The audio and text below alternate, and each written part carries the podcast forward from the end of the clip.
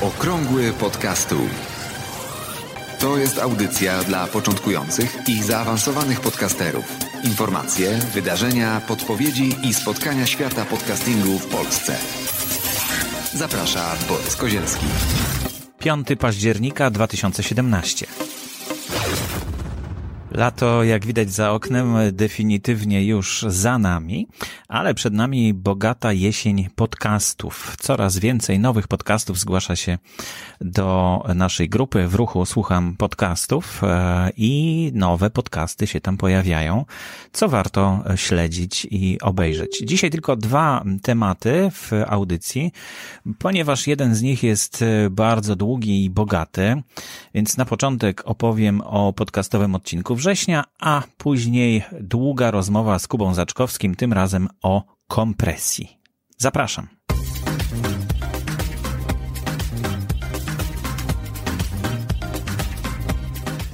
To właśnie dziś, 5 października, to ostatni dzień głosowania na podcastowy odcinek września 2017 roku.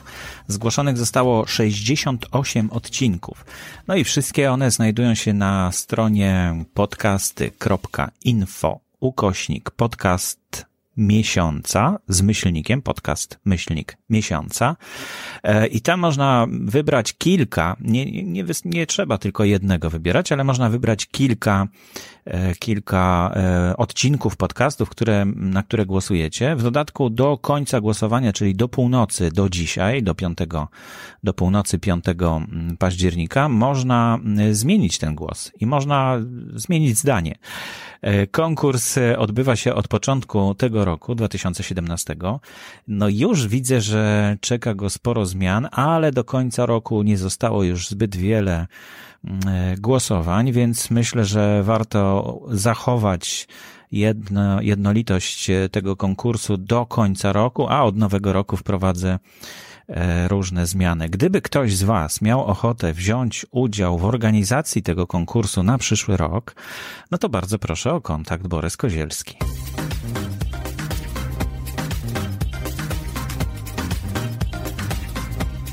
Bardzo się cieszę, że Kuba Zaczkowski dał się zaprosić po raz drugi do studia. E, tym razem będziemy mówić o temacie, który mm, przelatuje przez internet od jakiegoś czasu i wzbudza duże zainteresowanie, czyli wojna głośności to się nazywa, a ogólnie to jest, chodzi o kompresję i o to, że na przykład w telewizji czy w radiu reklamy są dużo głośniej niż cała reszta. Tak, dzień dobry. No, temat kompresji no, i wojny głośności faktycznie jest teraz dość popularny. Po takim szczytowym okresie, e, w którym ta wojna głośności jakby przekraczała wszelkie granice, a ten okres to tak można na pierwszą dekadę XXI wieku ocenić. Teraz stopniowo od tej wojny głośności starają się różne instytucje, a przez to też użytkownicy uciekać. A jest to temat jakby bardzo związany, tak jak wspomniałeś, z kompresją. No właśnie, ale co, co to jest właśnie ta, ta wojna? O co tu chodziło? Bo moglibyśmy pokazać wykresy, gdybyśmy byli w telewizji, ale tutaj nie pokażemy tych wykresów. Skąd się wzięła wojna głośności? No, wojna głośności została jakby wywołana przez nadawców w gruncie rzeczy. Każdy chciał być głośniej. Każdy chciał być głośniej, bo głośniej znaczy lepiej, i jest to takie zjawisko psychoakustyczne, które istnieje, że przy ocenie jakościowej dwóch różnych sygnałów dźwiękowych, ten głośniejszy przez większość jest uznawany za lepszy, jakościowo lepszy, mimo że jakby nie ma między nimi mhm. żadnej innej różnicy. Dlatego też testy powinno się wykonywać na tym samym poziomie głośności, ale to jest zupełnie inny temat po pierwsze właśnie wynikało to z tego, że głośniej jest lepiej, a po drugie wynikało to z naporu rynku reklamodawców, którzy jakby twierdzili, że głośniej dla nich też jest lepiej, ponieważ ich przekaz dociera pełniej, głębiej. głębiej. Znaczy przede wszystkim myślę, to jest już moja interpretacja tych zdarzeń, że bardzo często radio y, snuje się gdzieś tam w tle naszego życia, w samochodzie, w zakładzie pracy, po prostu sobie leci w sklepie i w momencie, kiedy taka reklama jest wyraźnie głośniejsza niż audycja, to, to po prostu mhm. zwraca uwagę.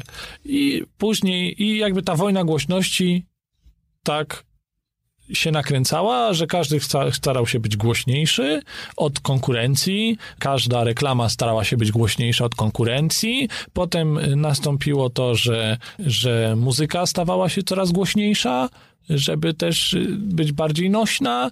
Stacje radiowe starały się być w całości coraz głośniejsze mm -hmm. i tak dalej, i tak dalej. Spirala się nakręcała. No na szczęście, na szczęście ci ludzie nie mieli e, władzy nad naszym potencjometrem, czyli głośnością naszą wyjściową. Tak, aczkolwiek mieli wpływ taki pośredni na komfort naszego mm -hmm. użytkowania właśnie radia chociażby ponieważ zaczęły się pojawiać różnice między poszczególnymi stacjami radiowymi w głośności, co było y, związane między innymi z charakterem y, audycji. I takim najlepszym przykładem jest Polskie Radio Program Drugi, czyli dwójka, która teraz już w mniejszym stopniu, ale zawsze była dużo cichsza niż wszystkie inne stacje nadawcze, w związku z tym, że charakter muzyki tam prezentowanej mm -hmm. jakby nie pozwalał na tak głęboką kompresję i w związku z tym na tak dużą głośność przy zachowaniu tych samych parametrów jakby technicznych. Mhm. Bo zwiększenie kompresji oznacza zmniejszenie dynamiki. Tak, dokładnie. Zwiększenie kompresji oznacza zmniejszenie dynamiki. Z tym, że musimy pamiętać o jednej rzeczy. To nie znaczy, że kompresja jest zła bo trzeba pamiętać o tym, że procesory, które na przykład są używane w stacjach radiowych, oprócz tego, że wykorzystuje się je teraz do podnoszenia poziomu głośności, to przede wszystkim mają za zadanie chronić nadajnik radiowy przed zbyt dużym sygnałem, który będzie uniemożliwiał prawidłową pracę tego nadajnika, czyli będzie uniemożliwiał prawidłowe nadawanie y, sygnału radiowego do odbiorców. I ten procesor, taki nazwijmy to masteringowy, musi być, ponieważ on stanowi ostatnią linię obrony mhm. przed fizycznym Y, uszkodzeniem, uszkodzeniem tak. Y, po prostu nadajnika. No to samo jest w niektórych dyktafonach, nie we wszystkich jeszcze, ale jest taki mm, ogranicznik, że po prostu nie można przesterować, prawda, tego nagrania i on y, pozwala na to, żeby Tak, to jest limiter. Ciszyć to najgłośniejsze. Tak, to jest limiter.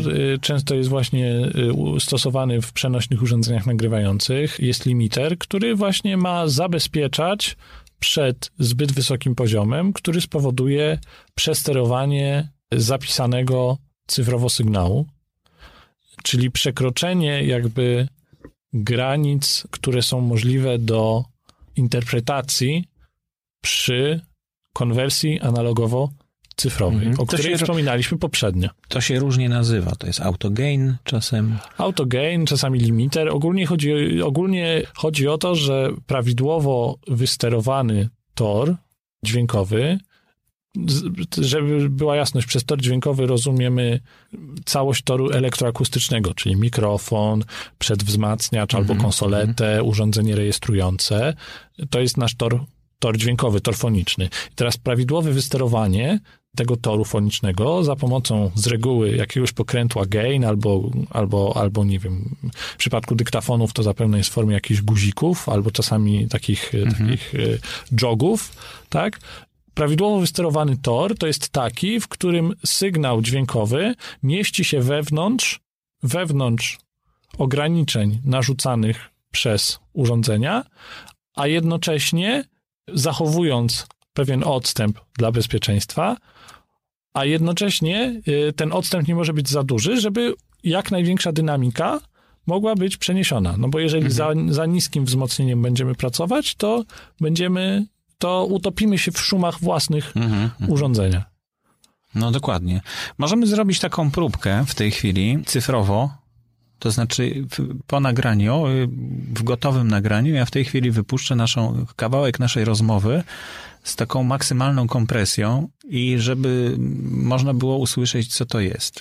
To znaczy, y, tak, y, kompresory działają w ten sposób, to może jeszcze opowiem o tym, jak działa kompresor.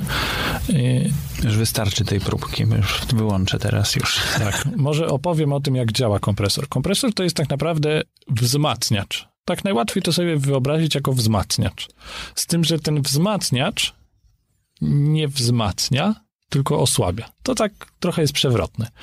I teraz jeżeli nasz wzmacniacz nie wzmacnia, ale nie osłabia, to cały sygnał w taki sposób, w jaki na przykład ja mówię, jest w całości przekazywany z taką dynamiką, z jaką ja mówię.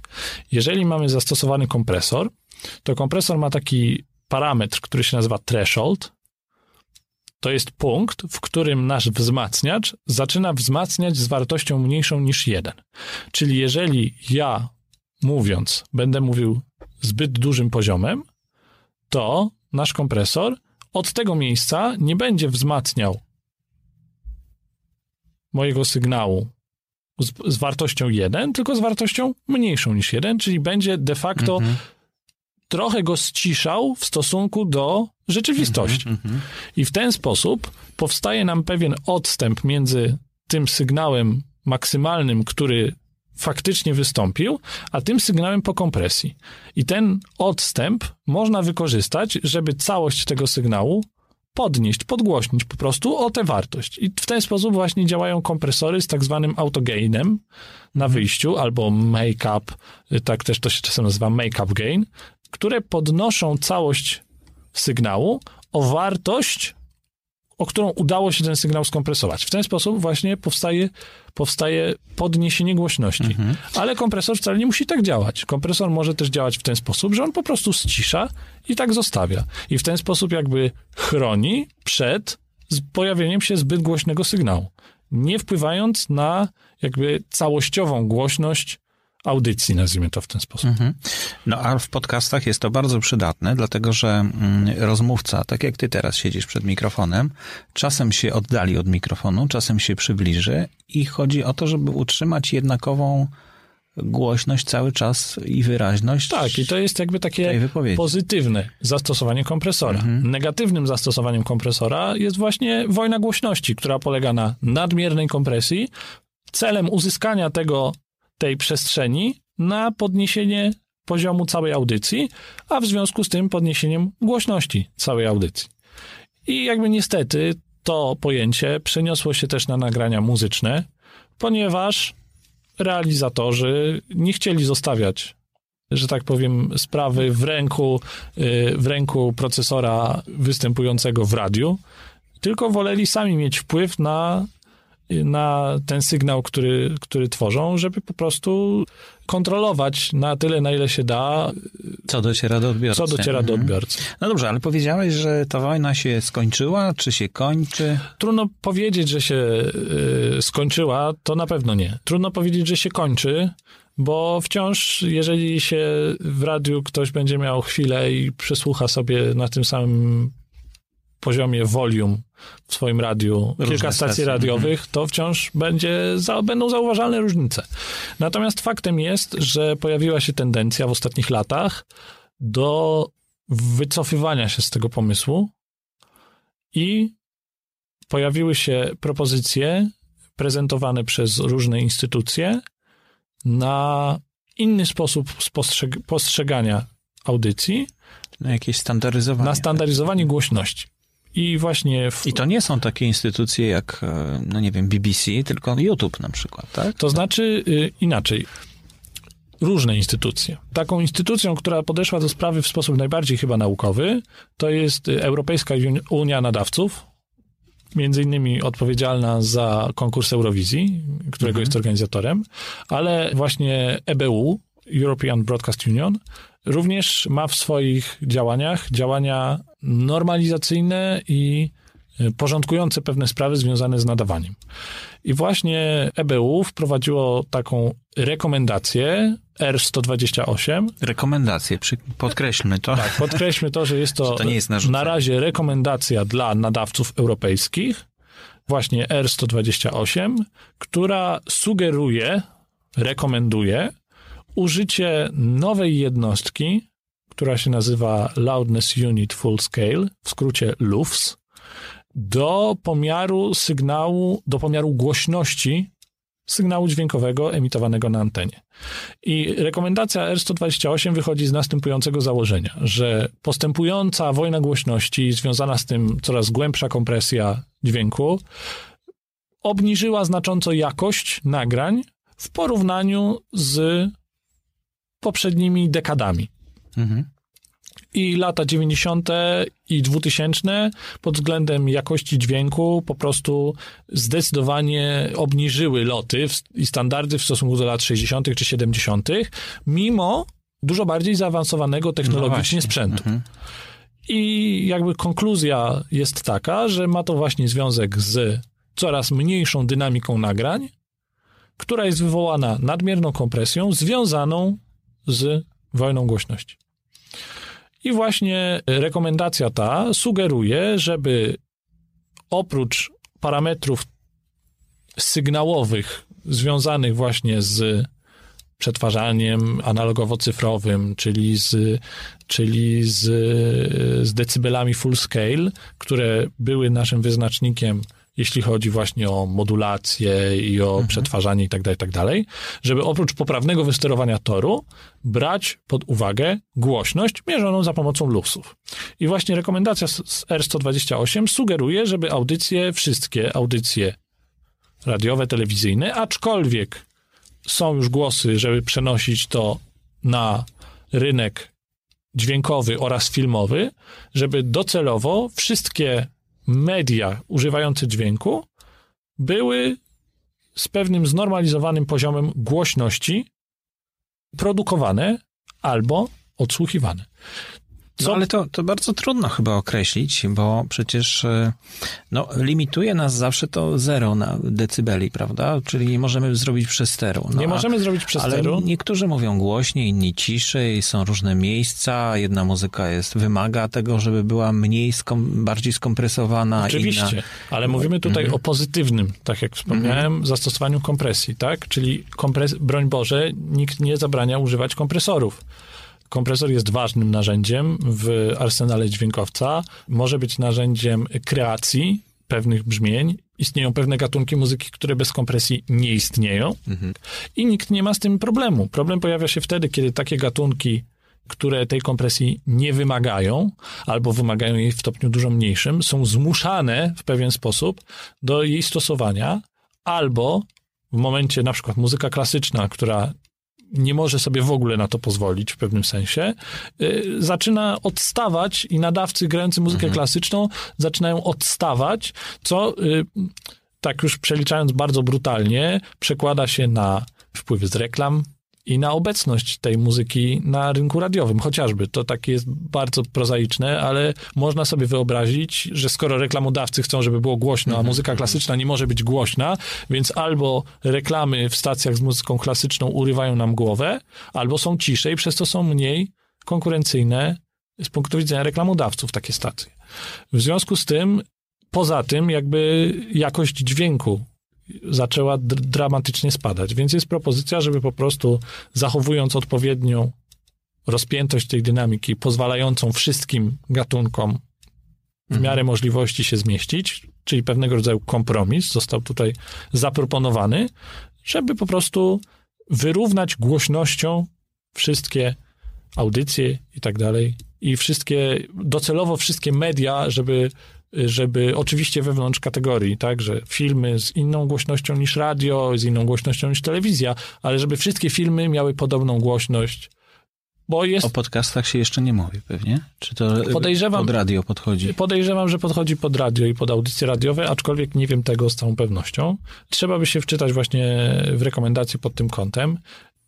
Być może też ze względu na to, że podcasty są dużo bardziej popularne w Stanach Zjednoczonych niż w Europie, mam wrażenie, nie zostały tam ujęte w tej mhm. rekomendacji, która jest przeznaczona głównie do nadawców publicznych, szczególnie zrzeszonych w European Broadcast Union. Także no ale możemy się tym posługiwać, no możemy się jesteśmy tym posługiwać. nadawcami też, podcasterzy są nadawcami. Tak, tak musimy też pamiętać o tym, co wspomniałem na początku, że różne instytucje wzięły się za problem i EBU niewątpliwie ma wielkie zasługi, chociażby wprowadzając jednostkę LUFS, do takiego powszechnego użycia, ale też iTunes ma swoje normy, YouTube ma swoje normy, Spotify ma swoje normy, Tidal też ma swoje normy. Każdy z tych, każda z tych dużych instytucji, dużych graczy na rynku ma e, dźwiękowym jakieś, wpr zaczęła, wprowadzać, zaczęła wprowadzać swoje ograniczenia dotyczące głośności i dotyczące parametrów głośnościowych, czyli co brzmi trochę absurdalnie, bo głośność jest wrażeniem, ale ujęta przez jednostkę LUFS staje się w pewnym sensie parametrem mhm. audycji, programu, nagrania. I iTunes na przykład ma w, swoi, w swoich opcjach taką opcję, która się nazywa po angielsku Soundcheck, która po prostu wyrównuje głośności wszystkich nagrań w bibliotece bodajże do minus 16 lufsów. Również iTunes Radio wszystkie audycje ma nadawane z tą właśnie znormalizowaną głośnością minus 16. Mhm. YouTube zdaje się ma tę normalizację ustaloną na minus 13, z tym, że YouTube audycji głośniejszych nie podgłaśnia do tego poziomu, mhm. natomiast audycje Głośniejsze. Y, znaczy tak, audycji cichszych nie podgłaśnia, audycje głośniejsze ścisza do tego poziomu. Mhm. Spotify ma swoją jakby wartość, y, Tidal ma swoją wartość, każdy z nich przyjął to niezależnie. Ale w Lufsach określił. Ale w, Lufsy jako taka jednostka uży- wygodna i, i jakby, m, mm, która zyskała sobie popularność, a co za tym idzie, powstały narzędzia do monitorowania głośności mhm. w Lufsach, no jakby jest teraz w powszechnym jakby użyciu, jeśli chodzi właśnie o, o głośność, głośność mhm. dźwięku. No bo to w tych firmach to był duży problem, dlatego że miały różne nagrania od różnych nadawców, taki iTunes, prawda, taki YouTube. No i słuchacz, który słuchał jednego nagrania i przez, przechodził do kolejnego nagrania, nagle doznawał szoku. tak? tak? Albo za cicho było, albo było strasznie głośno w porównaniu z tamtym nagraniem. Zgadza się. No. Dlatego to jest ta właśnie możliwość, że można narzucić e, takie wyrównanie dźwięków wszystkich. Tak, i iTunes ma taką wersję, ma taką opcję jako opcję, nie ma przymusu, można ją sobie e, wyłączyć i, i, słuchać z takim jakby, z taką głośnością, z jaką przewidział to producent nagrania, mhm. czy, czy, czy no po prostu zespół, czy, czy z taką głośnością, z jaką jest płyta i z takimi proporcjami głośności między płytami, ale można sobie taką opcję włączyć. No YouTube takiej możliwości wyłączenia nie daje, Spotify również, ale wydaje mi się, że są to ważne kroki w kierunku właśnie z powrotem zwiększenia dynamiki nagrań, ponieważ jeżeli nagrania, niezależnie od dynamiki, będą odtwarzane z tą samą głośnością, to nie będzie konieczności takiego tej mhm. dynamiki zmniejszania i takiej w związku z tym degradacji jakości po prostu słuchanego dźwięku. Mhm. Zresztą to nie, nie trudno y, dotrzeć w internecie do materiałów, które potwierdzają tę tezę o spadku jakości dźwięku. To, to, to, są słynne płyty, chociażby Californication Red Hot Chili Peppers albo Death Magnetics i Saint Anger Metaliki, tak, że, że które, są, które są uznane za po prostu zmasakrowane wręcz mm -hmm. kompresją i wojną głośności. Zdaje się, że Milo Zailoto Coldplaya też jest taką ikoniczną wręcz pozycją pod kątem właśnie degradacji sygnału przez przez no, kompresję i... Na Wikipedii można zobaczyć wykresy płyt y, Michaela Jacksona wydawane w latach jeszcze 80., potem y, jako CD w latach 80. i 90. i teraz... Y, jako remaster. Jako re, tak, znowu. Tak, no tak samo jest wiele zespołów Pink Floyd, których uznaje się edycje remasterowane za gorsze niż te pierwotne. I znowu, paradoks. Mamy coraz lepszą technologię, i coraz gorszą jakość, jakość tego dźwięku. Są już zespoły, które i są już płyty, które powstają jakby z uwzględnieniem na przykład tej mhm. rekomendacji. Są płyty, które powstają na przykład bez tego procesu tak zwanego masteringu, chociaż to nie jest do końca prawda, ale jakby widać, że rynek powoli odwraca się od głośności od tej wojny głośności, jakby walcząc z powrotem o jak najwyższą jakość i wydaje mi się, że jest to zjawisko pożądany też przez użytkownika. No tak, przez słuchaczy przede wszystkim. Dobrze, ale powiedz w takim razie, co to jest za jednostka, bo tam się określa minus 15, minus 18. E, loudness znaczy? Unit Full Scale to, to jest, jest dynamika? Znaczy, Loudness Unit Full Scale to jest jednostka, która ma określać głośność, głośność dźwięku. Ona funkcjonuje w oparciu o algorytmy, które uwzględniają sposób, w jaki człowiek słyszy, w jaki sposób odbiera dźwięk. Za dużo na ten temat powiedzieć nie mogę, bo jest to wysoka matematyka. Tak jak już wspomniałem, to, to jest jednostka cyfrowa, hmm. czyli opiera się na przetwarzaniu sygnałów za pomocą różnego rodzaju algorytmów.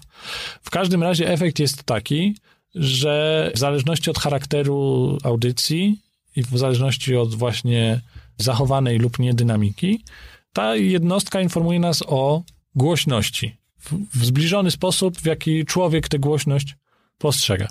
Jeden decybel poziomu mhm. całego tego, całego nagrania jest równy jednemu lufsowi, czyli podniesienie o 1 dB całej audycji spowoduje zgłośnienie całej audycji o 1 lufs, natomiast w różnych pasmach y, różnie się to układa i jest to bardzo, bardzo skomplikowana matematyka. No, natomiast właśnie w sposób w miarę obiektywny informuje nas o, o tym, w jaki sposób człowiek będzie postrzegał tę głośność. Zakres dynamiki to jest jakby druga sprawa, która jest y, z tym związana i to jest jakby no, zakres dynamiki, odstęp najgłośniejszych do najcichszych fragmentów mhm. nagrania. No dobrze, ale y, w takim razie czym się różni nagranie, znaczy rekomendacja minus 18 i minus 10 na przykład? No różni się tym, że mm, jakby te audycje i te, nazwijmy to, serwisy, instytucje, które nadają z, z głośnością równą minus 10 lufs, mhm. są o 8 dB głośniejsze niż te, mhm. które nadają, nadają minus 18. Ale jeżeli faktycznie nadają z taką znormalizowaną głośnością, to wszystkie audycje będą do tej głośności mm -hmm. podporządkowane i wszystkie nagrania będą odtwarzane w taki sposób, żeby, żeby ta głośność była minus 10 lufsów. Mm -hmm.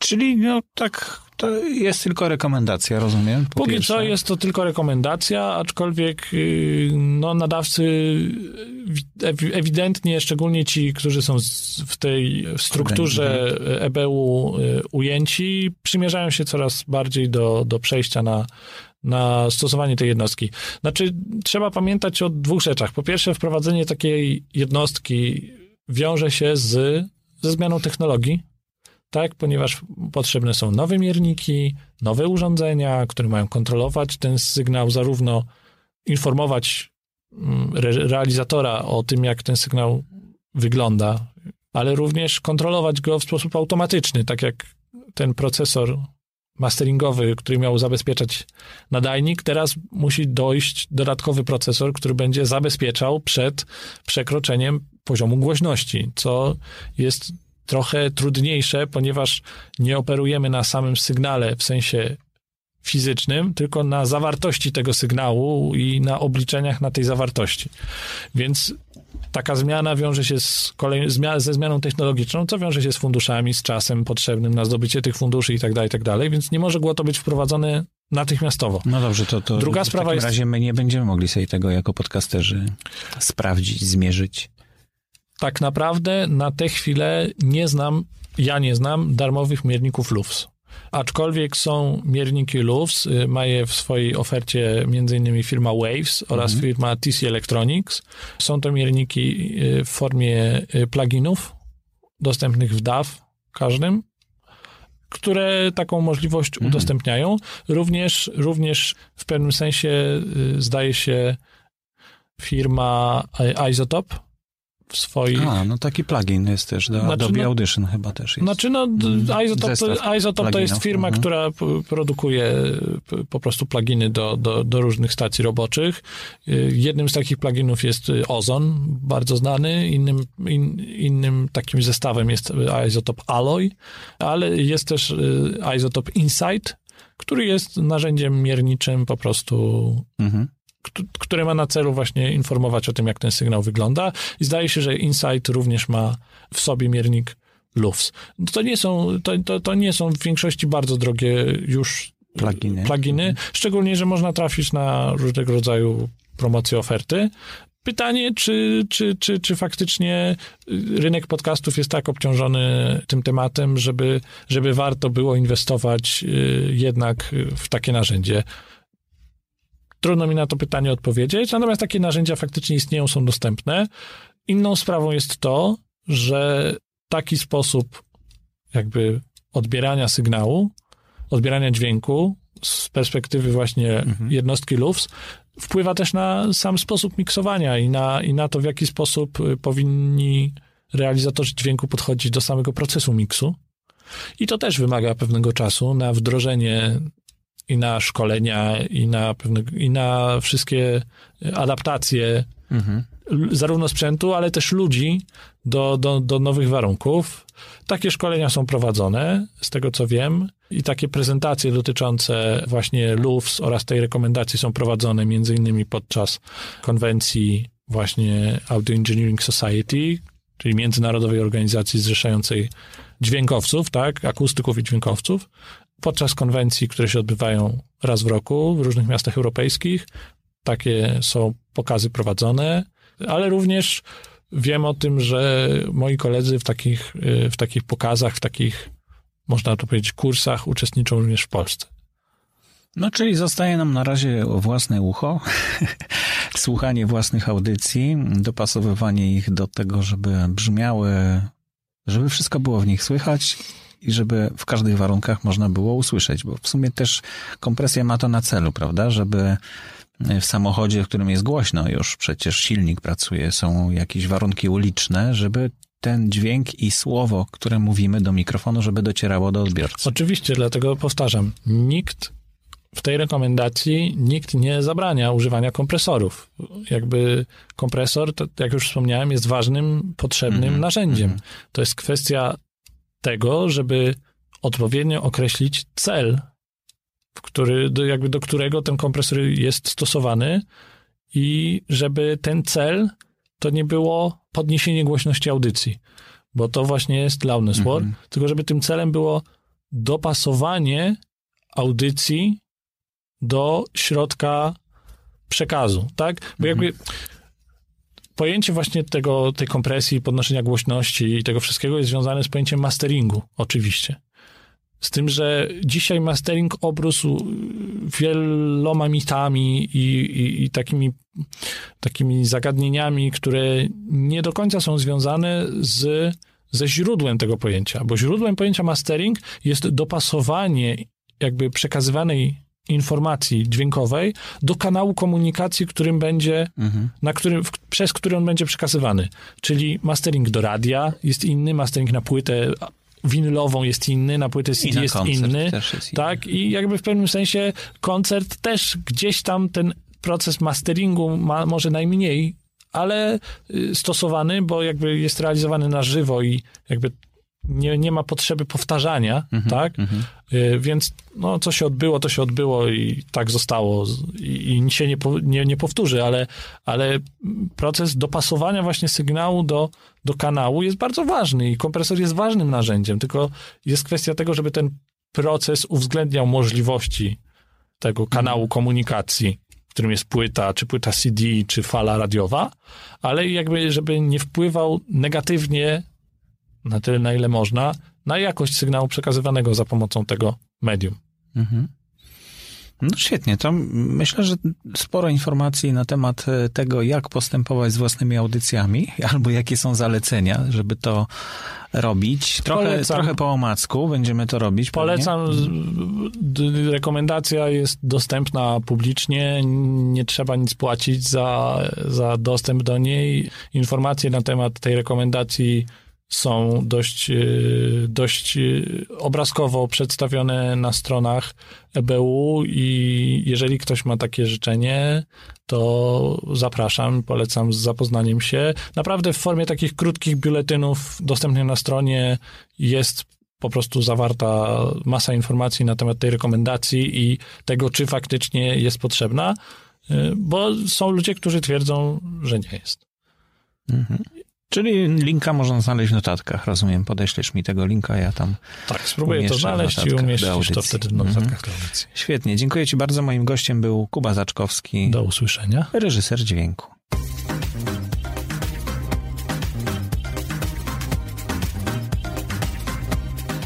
I to już wszystko w dzisiejszej audycji. Przypomnę tylko, że na stronie blog.podcasty.info można znaleźć notatki do odcinka pod numerem 810, czyli blog.podcasty.info ukośnik 810.